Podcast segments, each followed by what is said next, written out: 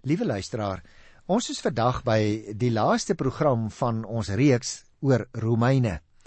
En uh, ons het om die waarheid te sê 35 programme uh oor Romeine gemaak omdat dit juis so 'n wonderlike boek is waar Paulus nie net gedagte vlugte belewe nie maar geweldige hemelse waarhede aan ons deurgee op 'n baie baie praktiese manier.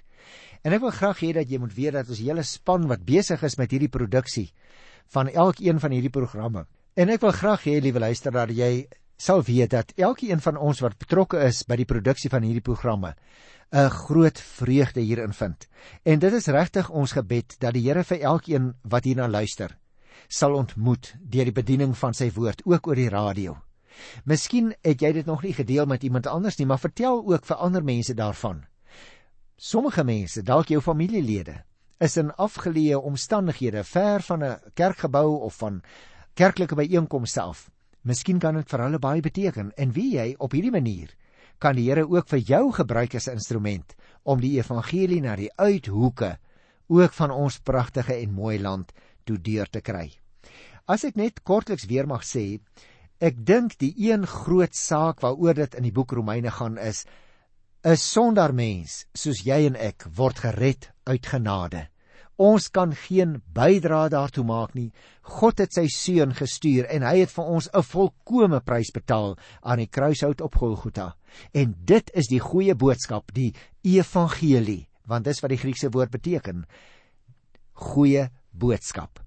En daarom wil ek nou graag vandag in hierdie laaste program vir jou op twee aspekte wys. As jy 'n Bybel voor jou het, ek hoop jy het gewoonlik 'n Bybel voor jou, as jy in gerieflike huislike omstandighede is, dan sal jy sien dit gaan hier oor twee afdelings in Romeine 16.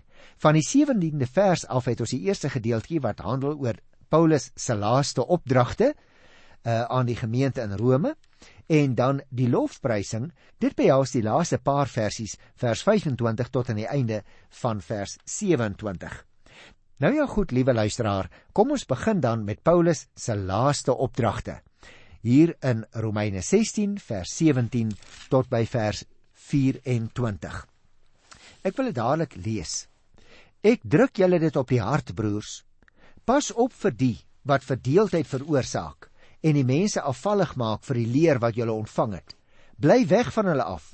Sulke mense dien nie Christus ons Here nie maar hulle eie drifte en drange het hulle en met al hulle mooi praatjies en vleitaal mislei hulle die liggelowige mense. Ek gaan nou nou verder lees, ek wil eers hieroor met jou gesels want dit is baie interessant wat hy hier sê.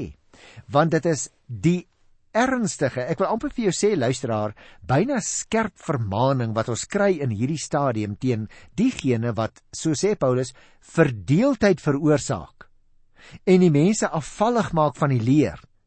En in 'n sekere sin wil ek sê dit is nou so 'n bietjie vreemd, né?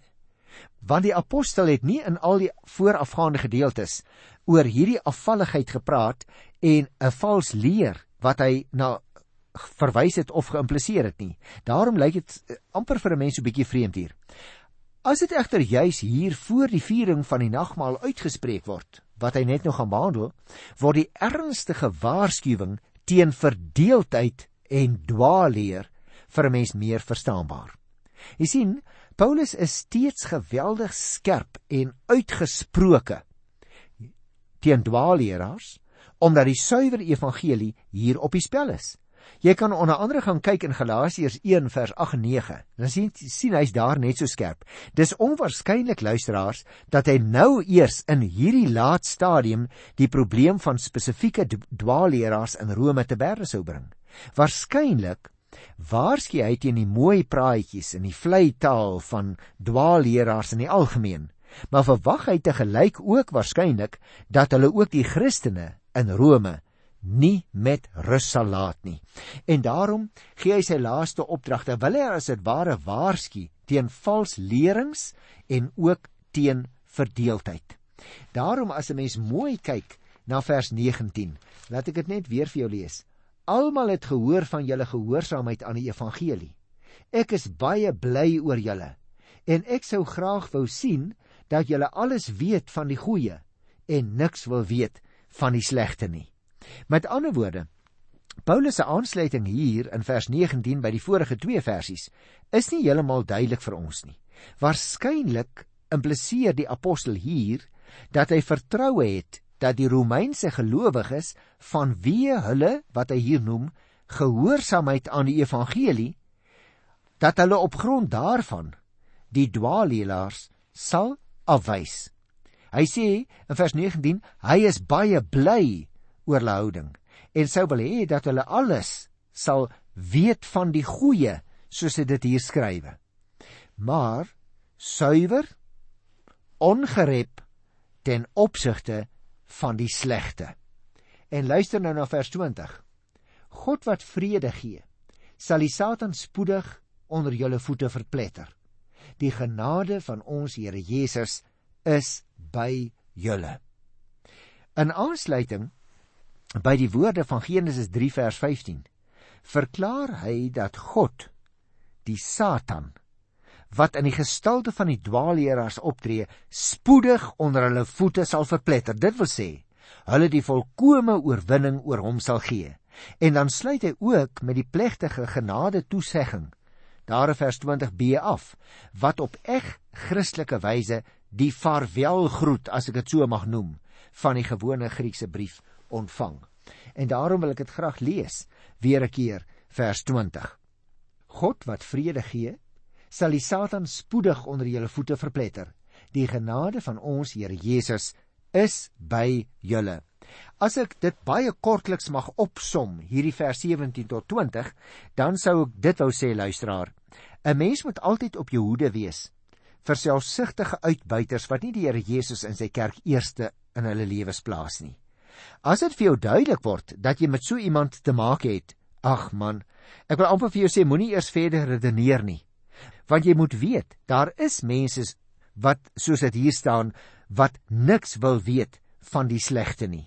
As jy iets lees van iemand wat jy nie ken nie of na 'n preek van 'n onbekende persoon luister dan moet jy krities lees hoor. Jy moet krities luister ook na so 'n preek soos die Jode in Berea. Gaan luister 'n bietjie hoe word dit daar vir hulle gesê in Handelinge 17 vers 10 tot 12 waar jy sien ons moet krities luister vir alles soos nie die persoon ken nie Om dit te kan doen, liewe luisteraar, moet jy natuurlik die woord van die Here ken en 'n lewende en 'n persoonlike verhouding met die skrywer van die Bybel self hê. Mag ek dus vir jou vra hier waar Paulus sy laaste opdragte gee, juis die verdeeldheid uitwys en daarteen waarsku. Ook waarsku teen afvallige leraars. Ken jy die woord van die Here? Mag die Here gee dat ook ons programme daartoe sal bydra dat jy en ek 'n beter kennis van die Here se woord sal hê want onthou die apostel skryf in Filippense 6 by die 17de versie die woord is die swaard van die gees. Nou ja goed, ek het gesê hier's twee gedeeltes nou ons wil kyk. Die eerste het gehandel oor Paulus se laaste opdragte, vers 17 tot uh, by vers 23 en nou kom ons by die laaste kort gedeelte, naamlik hy sluit af met 'n lofprysing. En ons kry dit in vers 25 tot by vers 27. Ek lees dit sommer en dan gesels ons 'n bietjie met mekaar daaroor. God is magtig om julle te laat vas staan oor die inkomste die evangelie van Jesus Christus wat hy verkondig en ooreenkomstig die openbaring van die geheimenis. Ek gaan net om julle 'n bietjie meer indringend daaroor gesels oor die geheimenis, maar ek lees net eers die teks en dan gaan ek dit eers bespreek. Eeue lank al het die geheimenis geheim gebly, maar nou is dit geopenbaar. Aan die hand van die geskrifte van die profete en in opdrag van die ewige God is dit aan alle nasies bekend gemaak sodat hulle in God kan glo en aan hom gehoorsaam kan wees. Aan hom die enigste en alwyse God behoort die heerlikheid deur Jesus Christus tot in ewigheid. Amen. Nou het jy al van tevore opgelet en dit raak gesien liewe luisteraars. Anders as Paulus se ander briewe eindig hierdie brief met 'n lofprysing baie interessant hy het die brief reeds met die gebruikelike seëngroet afgesluit vroeër in die brief gaan kyk weer in uh, Hosea 15 vers 33 en ook in Hosea 16 by vers 20. So die brief is eintlik reeds afgesluit. Paulus het waarskynlik nie self hierdie gedeelte wat ek nou behandel geskrywe nie. Die meeste skrifuitleggers aanvaar dat omdat ons dit hierso so 'n bietjie kry as uh wat sal ek dit noem, so 'n blinde dermpie aan die einde van die brief, is dit waarskynlik 'n later toevoeging. Min van die Bybelmanuskrifte tussen hakies bevat ook hierdie deel. En die geleerdes is dit taamlik met mekaar eens dat hierdie lofprysing aspekte bevat wat nie tipies van Paulus se manier van skrywe is nie. Dit bly nietemin, liewe luisteraar, 'n wonderlike lofprysing en ons kan saam met oorgawe daarin jubel op die grootheid en die almag van God. Ek wil voordat ons uh afsluit miskien ook nog net uh op hierdie punt vir jou daaraan herinner. Jy moet onthou Rome was destyds die wêreld se politieke, godsdienstige, sosiale en ekonomiese hoofstad. Die belangrikste regeringsbesluite van daardie tyd is daar geneem en van daar van Rome af uit het die evangelie tot aan die uithoeke van die aarde versprei. Onder die gelowiges in Rome was daar mense van alle soorte: Jode, nie-Jode, slawe, vrymense, Romeinse burgers en mense wat baie gereis het. Daar was dus die positiewe potensiaal vir invloedrykheid en die negatiewe potensiaal vir verdeeldheid. Waarskynlik daarom dat Paulus hier in die slotgedeeltes daarna verwys. Die Here het onder andere Paulus se brief gebruik om hierdie potensiaal gunstig te laat verwerklik. Jy weet natuurlik watter potensiaal God aan jou persoonlik gegee het. Liewe luisteraar, gebruik die Romeine brief om jou jou volle potensiaal te laat bereik sodat die take waartoe God vir jou en vir my geroep het des te meer tot sy eer verrig sal word. En juis daarom is hierdie slotwoorde in vers 25 tot by vers 27 wat ons eintlik kan beskryf as 'n doxologie. 'n Doxologie is 'n lofrede op God. Juis daarom is hierdie doxologie wat heel moontlik dan nou nie eers deur Paulus geskryf is nie, maar lofbring aan God wat magtig is om die gelowiges te laat vas staan vir ons 'n wonderlike toevoeging. In die evangelie aangaande Jesus Christus is die so lank verborgde geheim geopenbaar. En hierdie bekendmaking aan alle nasies was God se opdrag staan in hierdie verse van wie dit dan nou ook al kom. En in hierdie opsig het die verkondiging van die profetiese geskrifte 'n groot rol gespeel waar die eerste deel van vers 26 dus aansluit by Hosea 1 vers 2 sluit die laaste deel daarvan baie nou aan by die bewoording van Hosea 1 vers 5 Ten slotte wil ek net sê die lofprysing vind sy klimaks in die slotvers waarin die heerlikheid aan die enigste en alwyse God gebring word. Indien nie die oorspronklike nie, dan tog wel 'n baie baie toepaslike slot vir hierdie brief. Ek het gesê dat ek eers die briefie wil afsluit en het ek tussendeur gesê dat ek dan wil terugkom na die openbaring van die geheimenis. En jy sien ek wil dit juis nou na die tyd doen omdat dit deel is van hierdie laaste toevoeging tot die brief en miskien dus nie direk uit Paulus se pen kom nie. Liewe luisteraar, dalk het jy ook al 'n lang pad die afgelope jare afgelê. Dalk het jy bepaalde omstandighede gehad. Vir sommige van ons lê daar miskien in kleiner kring verskeie hoogtepunte agter die rug. Dalk is jy een van hulle. Dalk kyk jy met dankbaarheid terug na die spitse van sukses en van geluk wat jy die afgelope jaar of miskien sommer net die afgelope paar dae in jou lewe ervaar het.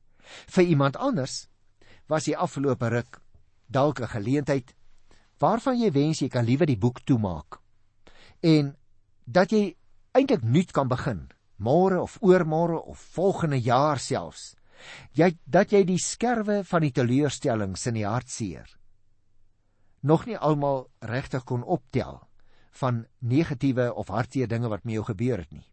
En as jy en ek in 'n wyeer verband rondom ons kyk na die mense en lewensverlies in ons mooi land, na die geweld en die onrus wat die heuwelland tuister en ook baie van die laagliggende gebiede nie oorslaan nie, dan wonder 'n mens soms wat die Here van ons dink. 'n Mens weet nie regtig nie. Of of laat ek 'n ander beeld gebruik. Jy kry 'n toegedraaide pakkie by iemand present, maar jy maak dit nie dadelik oop nie. Intussen wonder jy en ek maar net wat is in daardie pakkie? Wat sal die inhoud tog wees? Dit is eintlik vir ons 'n geheim want ons ons het mos nou nog nie die pakkie oopgemaak nie. En daarom wil ek jou graag vandag hier aan die einde van die boek Romeine aan 'n ander geheim herinner waarvan wie die skrywer ook al is hier in die slotverse ons herinner. Die skrywer praat in vers 25c twee keer van 'n geheimenis wat geheim gebly het.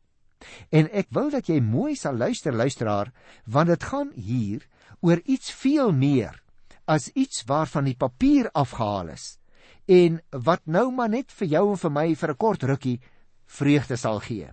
Jy sien hierdie geheimenis waarvan ons hier in die Bybel lees, het vir eeue geheim gebly. Sê vers 25 daar in sy einde. En die geheimenis het natuurlik gegaan oor die groot heilsplan van God vir die wêreld. Oor die geboorte en die lyding en die prys wat Jesus Christus vir ons betaal het. En het jy nou opgemerk? Vers 26 vertel dan vir ons drie belangrike dinge aangaande die gesag van hierdie geheimenis wat bekend geword het. Die eerste een, die geskrifte van die profete het dit lank al vertel. Jy sien, vir lang eeue het profete van die Here Jesus se koms vertel en het gelowiges daar daarna verlang in die tyd van die Ou Testament. Ou mense se oë het vol trane geword, kan ek my voorstel, as hulle aan die koms van die Messias gedink het, as hulle daaroor gedroom het iewers in die toekoms. Vir kinders is die hoop van kleins af met moedersmelk ingegee. En toe op 'n dag, liewe luisteraar, in die volheid van die tyd, so skryf Paulus in Galasiërs 4 vers 4, het die profete woorde waar geword. Ja, toe is die Here Jesus gebore daar in Bethlehem. Die broodhuis, want dit is wat Bethlehem, die naam van die dorpie letterlik beteken. En liewe luisteraar, al het die Here Jesus so totaal anders gekom as wat mense hom verwag het, Dit het gebeur in die volheid van die tyd. Maar so wil hierdie onbekende aan die einde van die brief vir ons sê, dit was nie maar net profete woorde wat vervul is nie. Nee, die tweede ding wat ek jou op wil wys is, dit was 'n opdrag van die ewige God, sê die skrywer. Jy sien, God sit agter hierdie heilsgebeure, liewe luisteraar. God sit agter die eerste Kersfees as jy wil. Dit was die Vader se plan dat die redding van mense so sou gebeur. Maar daar's 'n derde dingetjie waarop ek jou wil wys in hierdie verband. Hierdie geheimenis, liewe luisteraar, is bedoel vir alle volke. Kan jy dit glo? God se reddingsplan was nie net eksklusief vir die Jode of eksklusief vir sommige ander gelukkige mense in daardie tyd uit die heidendom nie. Nee. Nee, God se reddingsplan was inklusief. Enigeen kan daardie redding deelagtig word en die enigste voorwaarde wat die Bybel sê is geloof. Miskien moet ek dit vir jou nog 'n keer sê voordat ons hierdie Romeine boek toemaak. Jy is nie te sleg nie, liewe luisteraar. God se reddingsplan wat bekend geword het, sluit ook vir jou in as jy in Jesus Christus glo, dan het jy deel gekry aan 'n redding wat vir jou en vir my en vir geen ander mens op enige manier moontlik was uit ons eie nie. En daarom wil ek hê dat hier aan die einde van Romeine vandag nog 'n slaggie saam met my hierdie wonderlike pakkie, die woord van die Here sal oopvou.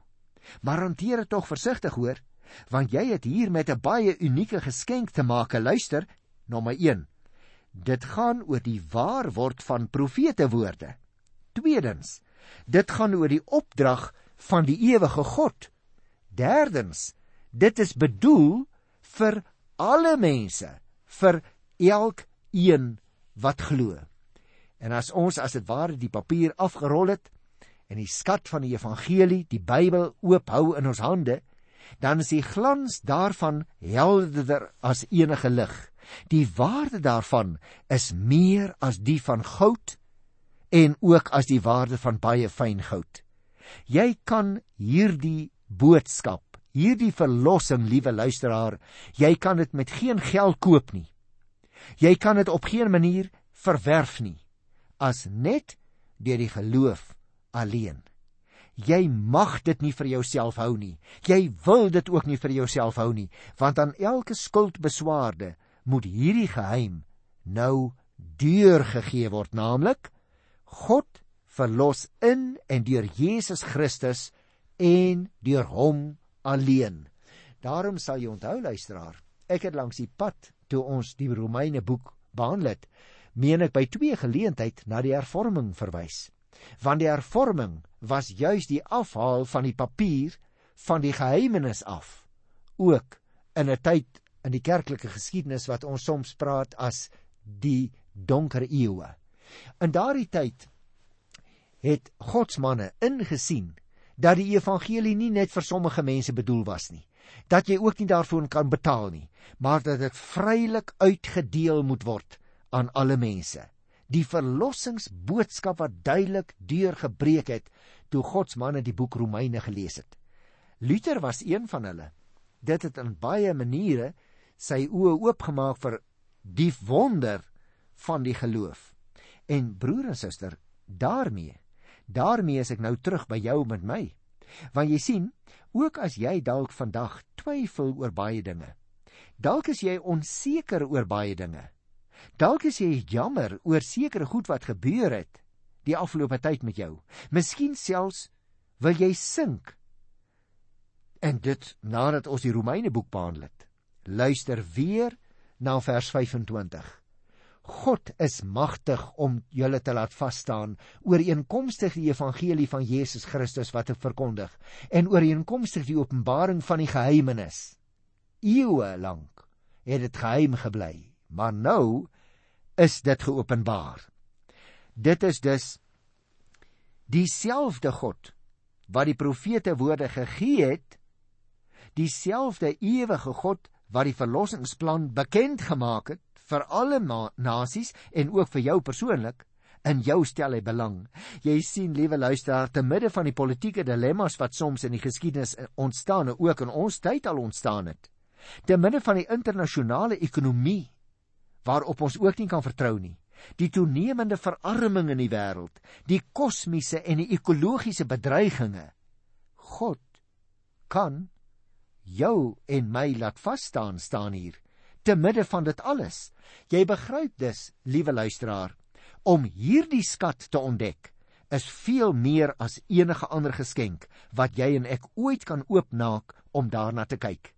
O, die evangelie boodskap van verlossing is 'n verrassende geheim vir elkeen in hierdie wêreld, 'n geheim wat harte bly maak en mense soos jy en ek versterk vir die pad wat ons elke dag moet loop. 'n Geheim wat verkondig moet word in die kerk en in die wêreld. Ja, God kan ons laat vas staan te midde van alle rande teleurstellings, te midde van allerlei probleme, te midde van allerlei druk. En omdat dit waar is, liewe luisteraar, kan jy en ek vers 27 saam met Paulus uitroep aan hom, die enigste en alwyse God, behoort die heerlikheid deur Jesus Christus tot in ewigheid.